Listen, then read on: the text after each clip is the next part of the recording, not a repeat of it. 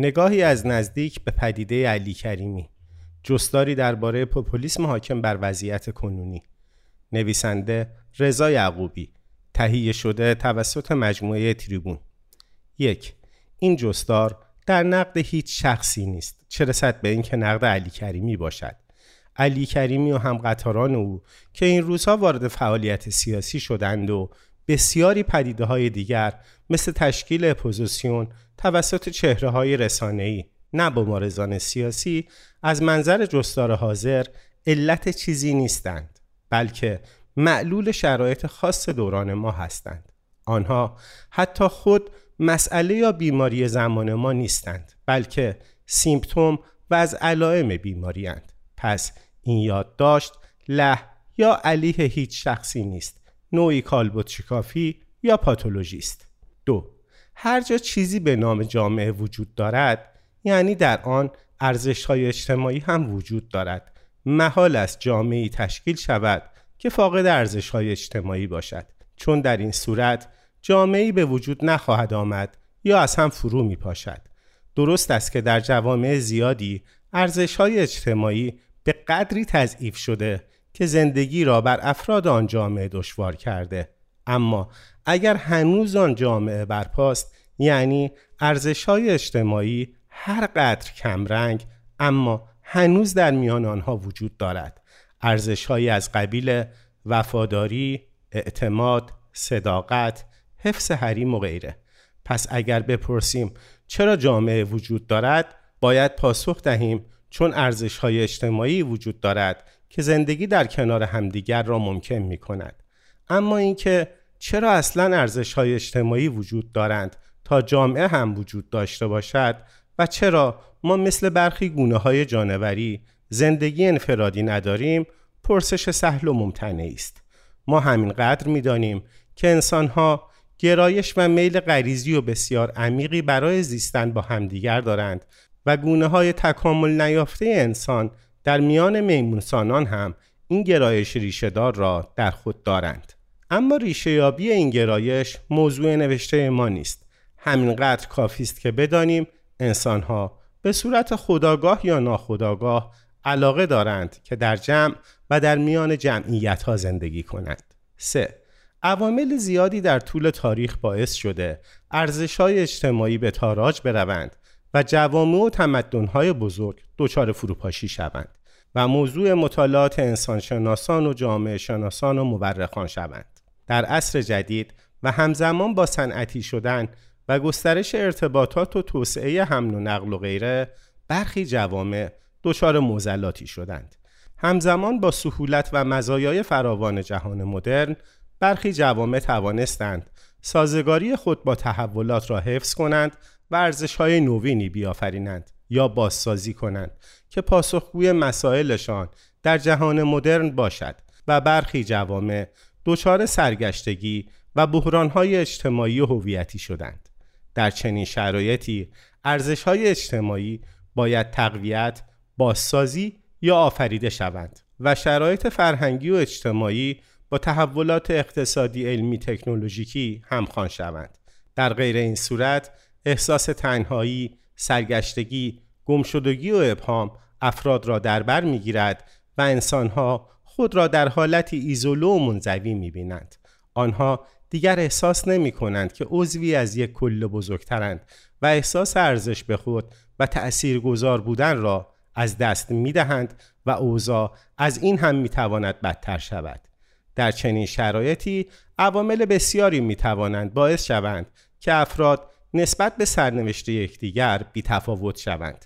مثلا در جامعه‌ای که طبقه متوسط رو به زوال رفته باشد و سوداگری و رقابت مالی به شکل بیمارگونه‌ای تبدیل به ارزشی برای منزلت اجتماعی شده باشد و هنرها و افکار و مسئولیت اجتماعی و جامعه مدنی که مشخصه طبقه متوسطند دچار زوال شده باشند و جامعه به فقیر و غنی تقسیم شده باشد حاکمان مستبد هم در تنور این رقابت ها و معاملات سوداگرانه خواهند دمید و برای منزوی و بی تفاوت شدن افراد به همدیگر برخلاف ارزش های اجتماعی حرکت خواهند کرد.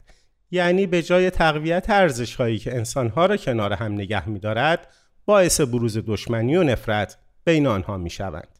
این موزل در تکرار این جمله از سوی مردم تجلی یافته. برای کی خودت رو بکشتن بدی؟ برای اینا یا اکثر بلایرهای عوام پسند مدام تکرار می کنند که باید برای خودت زندگی کنی و دیگران اهمیتی ندارند. وجود این بیتفاوتی و حتی نفرت امکان هر گونه همبستگی و اتحاد را که مشخصه جوامع سالم با ارزش های اجتماعی پویا و شکوفاست از بین می رود و فعالیت های اجتماعی، انجمنها، حس مسئولیت اجتماعی، فعالیت های گروهی و غیره رو به نابودی می رود. چهار به دلایلی که گفتیم این شرایط با طبیعت و غرایز آدمی همخانی ندارد انسان ها میل شدیدی به احساس زندگی در جمع احساس اثرگذاری و احساس عضو بودن در یک کل بزرگتر دارند و وقتی مجراهای طبیعی و عادی برای این همزیستی مسدود شده باشد با چند حالت مواجه خواهیم شد یکی از این حالتها که در آلمان پیش از جنگ جهانی دوم می‌بینیم روی آوردن به احساسات ملی گرایانه است.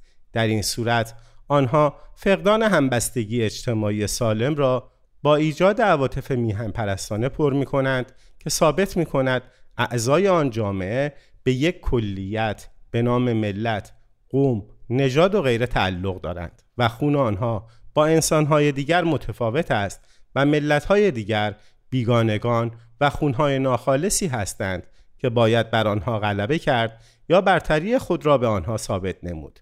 حالت دیگر شخص را به یک مذهب متعلق می کند و از طریق هویت مذهبی می خواهد افراد را به آن وحدت و همبستگی از دست رفته برساند تا جایی که سخن به ایجاد امت واحده و جماعت های یک دستور یک رنگ کشانده می شود.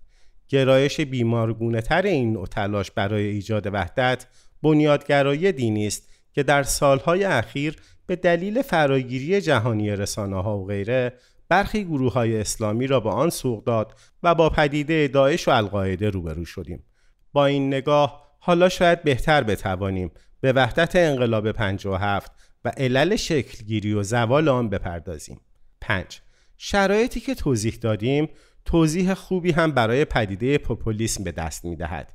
پوپولیست ها تمایل شدیدی دارند که علاوه بر اینکه خود را یکی از مردم عادی و از مردم کف خیابان نشان دهند شدیدا تلاش می کنند ای را به عنوان الیت نخبه و برج نشین جلوه دهند که ارتباطی با مردم و فهمی از مشکلات واقعی آنها ندارند و در عین حال با رفتارها و سیاستهای دم دستی و هیجانی و دمیدن در احساسات ناسیونالیستی و طرفداری از سلبریتی ها و تلاش برای بالا کشاندن آنها احساسات مردم را تحریک می کنند تا علاوه بر کشاندن مردم به دنبال خودشان این حس را به مردم القا کنند که این بار خود مردمند که همه کارند و دیگر از شر سیاستمداران و لفاظی هایشان خلاص شدند.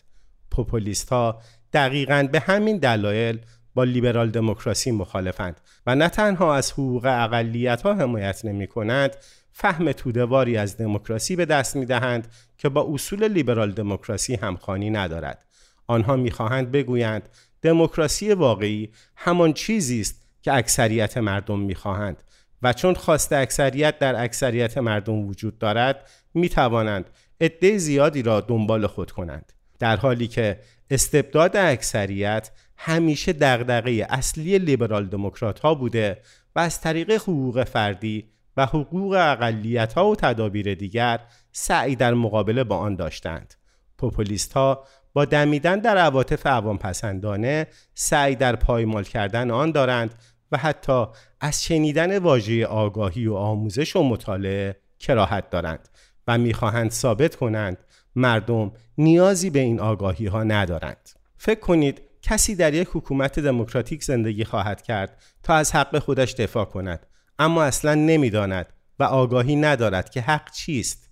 6 اما چرا در جامعه‌ای که دچار این بحران یعنی فقدان همبستگی و ارزش‌های اجتماعی شده پوپولیسم به سرعت رشد می کند به این دلیل که وقتی در درون افراد و در ذهن آنها احساس تعلق به یک جمع بزرگتر وجود ندارد و وقتی همبستگی به هنجار اجتماعی که ناشی از سازگاری ذهنی افراد با جامعه و چارچوبهای بیرونی است از بین رفته باشد پوپولیست ها و رسانه ها از طریق سلبریتی ها و عواطف ملیگرایانه یا مذهبی سعی خواهند کرد آن احساس همبستگی را به شکلی ساختگی و مصنوعی ایجاد کنند و جریانات تحولات اجتماعی را با تکیه بر نارضایتی ها به سوی خود منحرف کنند.